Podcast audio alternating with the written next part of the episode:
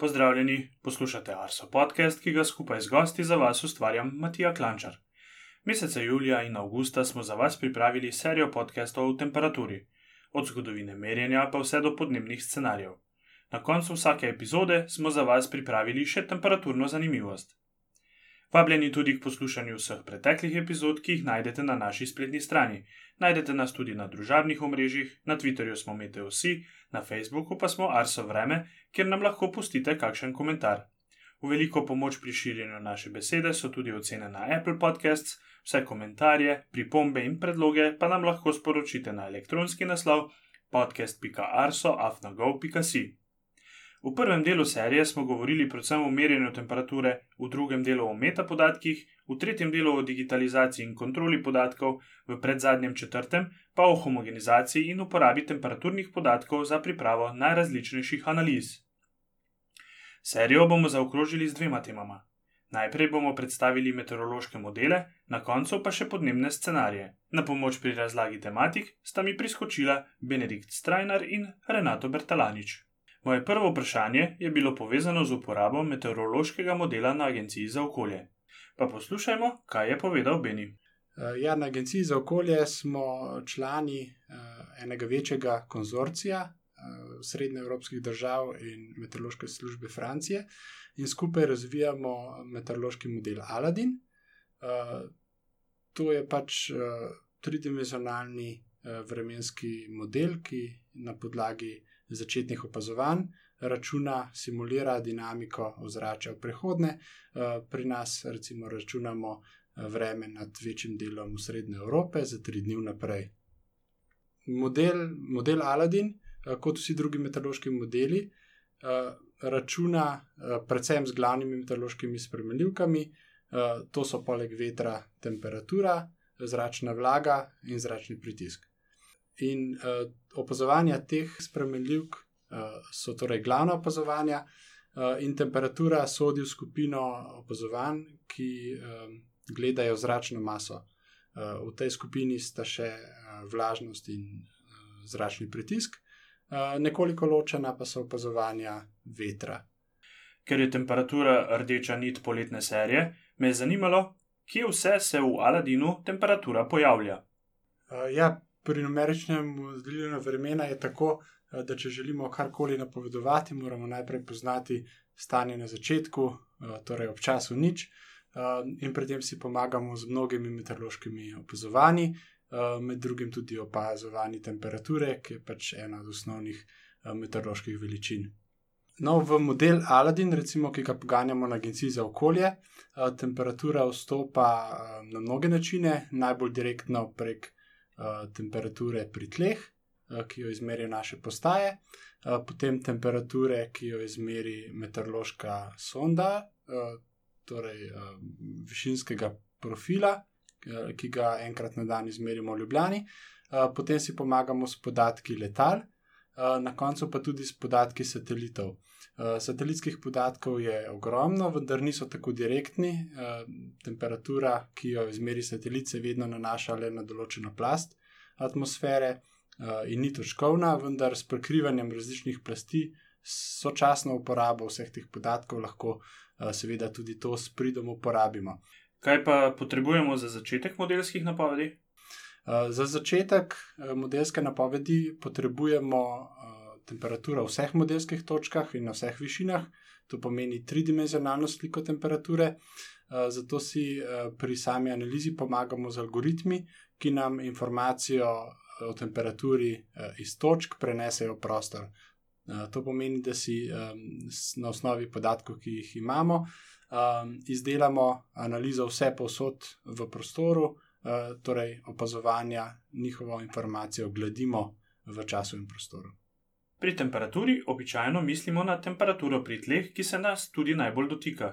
Moje naslednje vprašanje pa je bilo povezano z napovedmi temperature više v zraku. Uh, ja, temperatura više v zraku je tudi zelo pomembna, uh, čeprav se nas neposredno ne dotika toliko. No, se pravi, temperatura visoko v zraku je bistvena pri tem, uh, ali bo v atmosferi potekala tako imenovana atmosferska konvekcija. uh, moramo vedeti, da se zrak uh, v atmosferi večinoma premika uh, v vodoravni smeri, uh, le redko prihaja do uh, mešanja po vertikali. To se zgodi uh, v tako imenovanih uh, konvektivnih procesih, kamor štejemo plohe in nevihte. Uh, in ali bo uh, do tega prišlo, recimo sedaj, le, ko imamo um, toplo poletno vreme, je pravzaprav energije pri tleh uh, za nastanek neviht vsak dan dovolj. Uh, vprašanje pa je, kaj se dogaja zgoraj. Um, in od temperature uh, zračne mase na vrhu je pravzaprav odvisno, um, ali bo do teh gibanj prišlo. Um, recimo za zračni promet ni toliko pomembno, um, ali je temperatura na nivoju letenja letala minus 50 ali minus 60, uh, pomembno pa je, ali bo uh, letalo letelo med oblaki ali ne. Eh, in ravno v teh majhnih razlikah temperature na velikih višinah, eh, od tega je to odvisno. Eh, zato je seveda pri napovedovanju, predvsem padavin, temperatura visoka v zraku še kako pomembna. Kako pa je s temperaturo pri tleh? Po drugi strani imamo temperaturo pri tleh, ki jo je pa od vseh temperatur najtežje napovedati. Namreč v zraku je napoved temperature pravzaprav zelo natančna. Visoko ozračje tam stopinjo dve, redko je napaka večja od tega.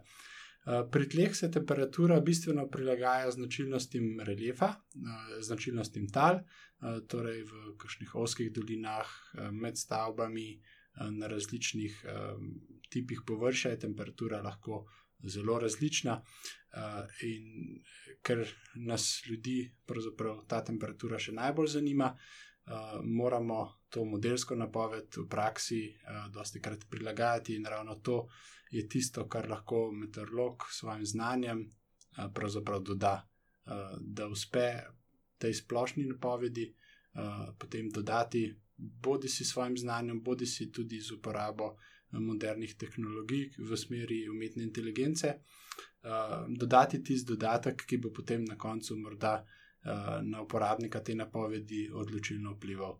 Recimo, če je v modelu napovedana temperatura tam okoli nič stopinj, mora pravzaprav meteorolog, prognostik izločiti območja, kjer pa bo lokalna temperatura recimo padla in bodo lahko posledice recimo v kmetijstvu.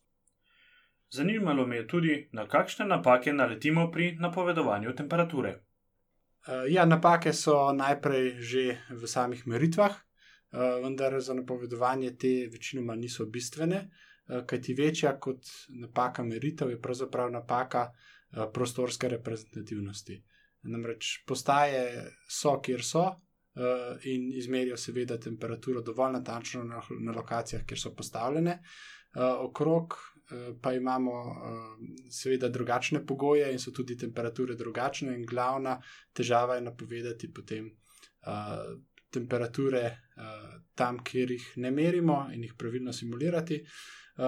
In napake se največkrat pojavljajo v hrbovitem terenu, z oskimi dolinami, vrhovi, z, potem z različnim, z različnim tipom površja, Eh, v mestih, tik ob morju, eh, tam so napake temperature eh, v glavnem največje. Velja pa še vedno to, da so te napake, predvsem pri tleh, više v zraku, pa se bistveno zmanjšajo. Na koncu me je še zanimalo, kako pomembna je človeška interpretacija modelskih rezultatov. Ja, človek še vedno lahko na podlagi svojih izkušenj doda informacijo, Eh, ki jo ima glede uh, same lege, uh, nekega območja, nad katerim nas temperatura zanima, um, glede raznih značilnosti. Vsekakor pa mu pri tem vse bolj pomaga tako splošna modelska napoved, kot tudi uh, metode statističnega prilagajanja oziroma umetne inteligence, ki lahko potem splošno napoved temperature prilagodijo določenemu. Uh, določenemu kraju, določenim značilnostim tega kraja. Če se z meteorološkimi modeli osredotočamo na napovedi temperatur za nekaj dni naprej, imamo na drugi strani podnebne scenarije, kjer nas zanimajo predvsem trendi temperatur relativno oddaljene prihodnosti. O podnebnih scenarijih sem se pogovarjal z Renatom Bertalaničem. Meritve kažejo na segrevanje ozračja tudi v Sloveniji. Renata sem najprej vprašal, kako bo s temperaturo v naslednjih desetletjih. Na Arsu smo pripravili projekt ocene podnebnih sprememb v Sloveniji do konca 21. stoletja, in te naše analize kažejo, da se bo temperatura še naprej zviševala. Velikost dviga eh, temperature pa bo zelo odvisna od glavnega dejavnika podnebnih sprememb. Ta glavni dejavnik je že od industrijske revolucije naprej eh, koncentracija toplogrednih plinov, in te koncentracije se ne da napovedati, ker je močno odvisna od človekove dejavnosti, od družbenih in gospodarskih dejavnikov v prihodnosti. Zato za podnebne projekcije za prihodnost eh, so narejene na, za izbrane scenarije izpustov toplogrednih plinov. Tile scenariji nam v bistvu opisujejo verjetno stanje koncentracije toplogrednih plinov v določenih predpostavkah. Eh, Mednarodni odbor za podnebne spremembe jih je definiral štiri, mi pa smo za oceno eh, analizirali tri.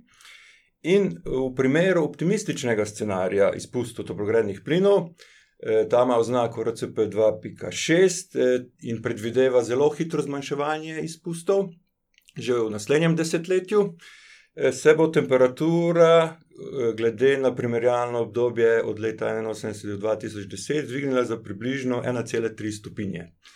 Za zmerno optimističen scenarij z oznako RCP 4,5, ta predvideva vrh koncentracije izpustov toplogrednih plinov nekje do leta 2040 in potem postopno zmanjševanje. In po tem scenariju Eh, kaže ocene, da se bo temperatura v povprečju v Sloveniji dvignila za 2 stopinji eh, Celzija, glede na sedanje stanje.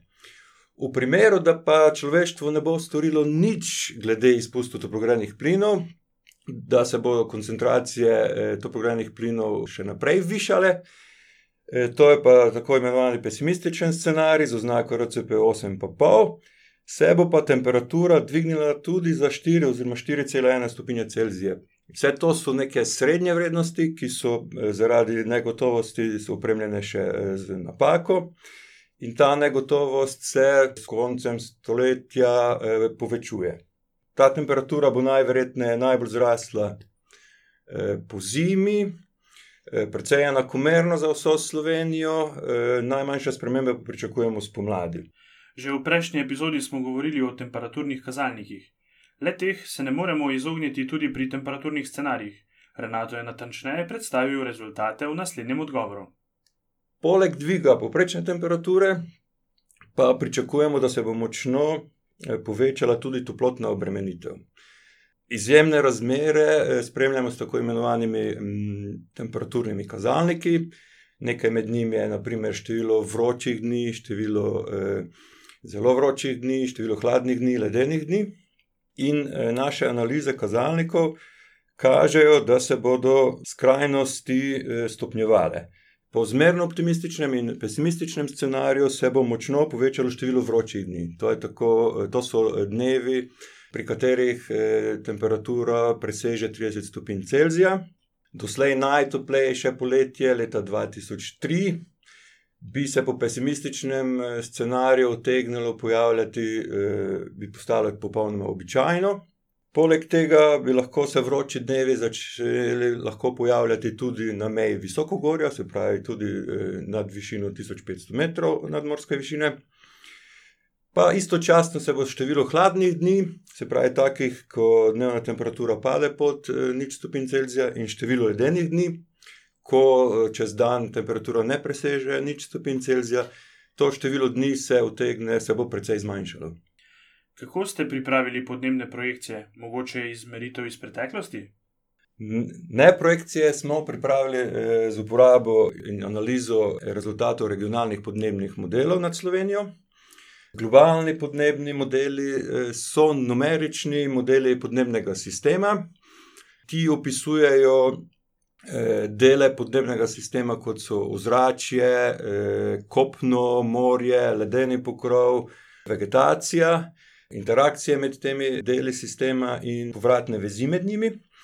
In za izračun prihodnega podnebja uporabljamo kot hodne podatke, eh, podatke o koncentraciji toplogrednih plinov, Za izračun preteklega podnebja pa so vhodni podatki meritve. In ti modeli so precej računalniško zahtevni, računsko zahtevni, zato je njihova ločljivost precej majhna, od 100 do 500 km.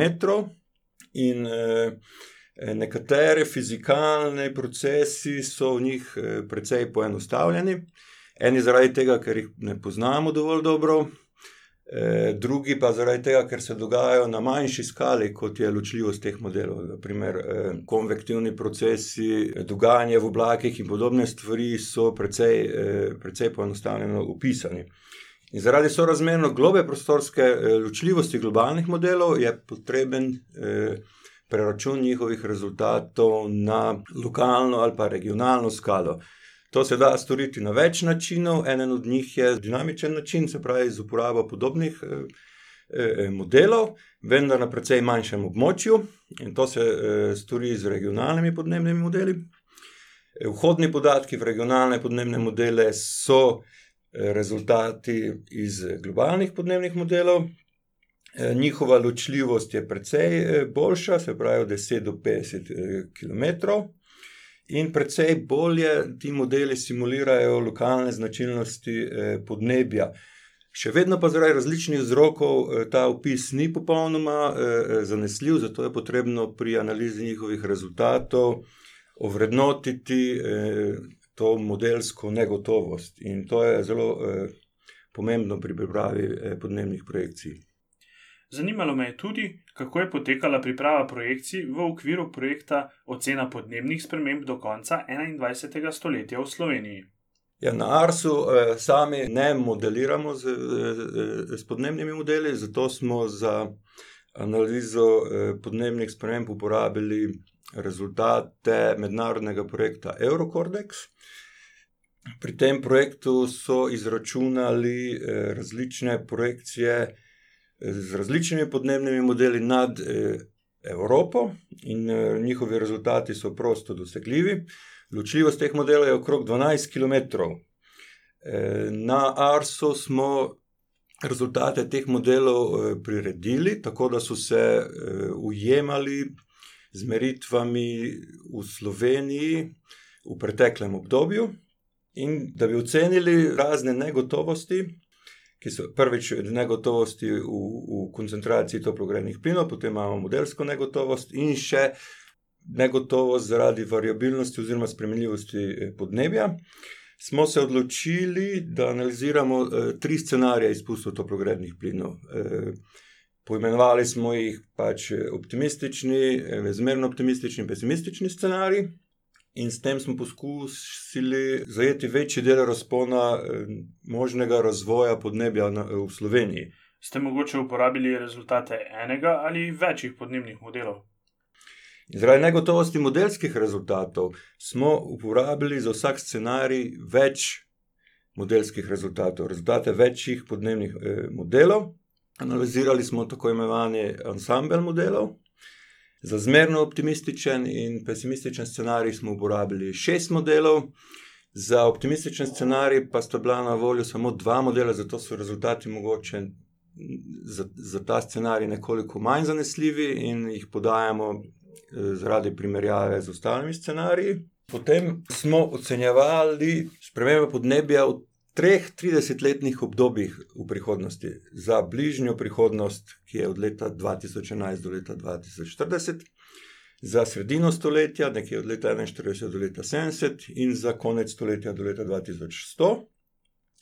In vsi rezultati so podani kot v obliki sprememb glede na primerjalno obdobje enainosemdeset-dva tisoč deset, se pravi glede na sedanje stanje. In to je obdobje, ki ga za referenčnega priporoča tudi Svetovna meteorološka organizacija. Pri primerjavi naših rezultatov s kakšnimi drugimi je potrebno paziti, glede na katero obdobje to, so te primerjave narejene. Posebej pa je potrebno paziti pri ovrednotenju, sprememb, z vidika ciljev, omejevanja izpustov toplogrednih plinov, zato ker moramo vedeti, da se je, temperatura od od predindustrijske dobe do tega obdobja enainosemdeset-dva deset pri nas dvignila za približno dve ali celo dve pa pol stopinji. Kako pa podajamo informacije rezultatov podnebnih projekcij? ko govorimo o podnebju v prihodnosti, ne navajamo natančnih vrednosti podnebnih spremenljivk. Ne moremo, na primer, reči, kolikšna bo temperatura leta 2070 v Ljubljani.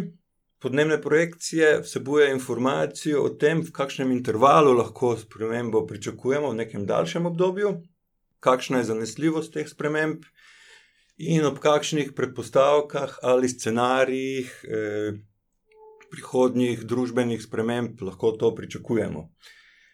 In na koncu smo poskusili te rezultate ansambla modelov poenostaviti, da bi bili razumljivi tudi širši javnosti. Pri časovnih potekih in na katerih zemljevidih smo prikazali srednjo vrednost modelskega ansambla skupaj eh, z možnim razponom eh, pričakovanih sprememb. Eh, drug način je bil pa prikaz srednje vrednosti modelskih ansamblov in mm, prikazati še, kako zanesljiva je ta sprememba, ali modeli soglašajo v tej spremembi, ali se mogoče njihovi rezultati med sabo razlikujejo. Renato je v prejšnjih odgovorih že omenjal negotovost projekcij. Za konec me je zanimalo, kolikšne so te negotovosti pri temperaturi. Projekcije za temperaturo so uh, veliko bolj zanesljive, kot so naprimer tiste za padavine, Zaradi razlik med modeli in drugih negotovosti, pa tudi, eh, vsebujejo, tudi te projekcije vsebujejo določeno negotovost. Pri temperaturi so vsi modeli soglasni s tem, da se bo še naprej zviševala. Razlika je edino, med njimi je edino v tem, eh, o, eh, razlika je edino v velikosti spremembe, ki jo eh, prikazujejo. Po optimističnem scenariju, RCP2 pa, pa 2,6 se bo do konca stoletja ogrelo med nič celih 7 do 1,7 stopinje Celzija. In kot sem omenil, srednja vrednost te spremembe pa je okrog 1,3 stopinje. Po zmerno optimističnem scenariju se bo pa ogrelo nekje med 1,4 do 2,8 stopinje Celzija. E, največja pa je negotovo za pesimističen scenarij. Ta si kaže, da se bo ogrelo do konca stoletja za 4 stopinje Celzija, ampak negotovost je pa nekje med 3,8 pa tudi 6,1 stopinje Celzija. Pravi, ugreje se lahko tudi za 6 stopinj Celzija. S pogovorom o podnebnih projekcijah smo končali našo poletno serijo, kjer se v vseh petih epizodah kot rdeča nit pojavljala temperatura. Če smo v preteklih oddajah na koncu predstavili kakšen zanimiv dogodek iz preteklosti, bomo tokrat pogledali v prihodnost. Dogodek bo v kontekst postavil obe današnji temi in sicer podnebne projekcije ter vremensko napoved. Čeprav je težko napovedati vreme že za nekaj dni naprej in je ne mogoče napovedati, kakšno bo vreme za določen datum v oddaljeni prihodnosti, smo se za zadnjo temperaturno zanimivost poigrali prav s tem. Sledila bo vremenska napoved za 28. augusta 2080. Danes bo večji del dneva sončno in zelo vroče, pihal bo jugozahodni veter. Najvišje temperature bodo med 33 in 39, na severovzhodu bodo izmerili do 42 stopinj Celzija. Proti večeru bodo v severni Sloveniji nastale nevihte, po noči pa bo nevihtno tudi v srednjem in južnem delu Slovenije. Osvežilo se bo, zapihal bo severovzhodnik, na primorskem zmerna burja. Jutri zjutraj in dopoledne bo na zahodu in severu države večinoma sončno, drugot bodo padavine ponehale in sredi dneva se bo zjasnilo. Na primorskem bo še pihala šipka do zmerna burja. Zjutraj bodo temperature med 13 in 17, na primorskem okoli 19 stopinj Celzija. Najviše dnevne temperature bodo v notranjosti med 26 in 31, na primorskem do 34 stopinj Celzija. Opozorilo: zaradi visoke vlage bo povečana temperaturna obremenitev v večjem delu države. Pazite na se. Serijo o temperaturi smo tako pripeljali do konca. Na koncu naj se zahvalim vsem, ki ste sodelovali pri ustvarjanju podcasta. Kot gostje so sodelovali Marko Svetličič, Anže Medved, Filip Štucin, Mateja Nadbah, Miha Demšar, Gregor Vrtačnik, Mojca Dolinar, Benedikt Strajnar in Renato Bertalanič. Ideje za temperaturne zanimivosti so prispevali Živa Vlahovič, Anže Medved in Gregor Vrtačnik. Podcast sem montiral in vodil Matija Klančar. Najlepša hvala pa seveda vsem vam, dragi poslušalci. Hvala za poslušanje in pozornost obilo lepega vremena do naslednjič in se slišimo čez 14 dni.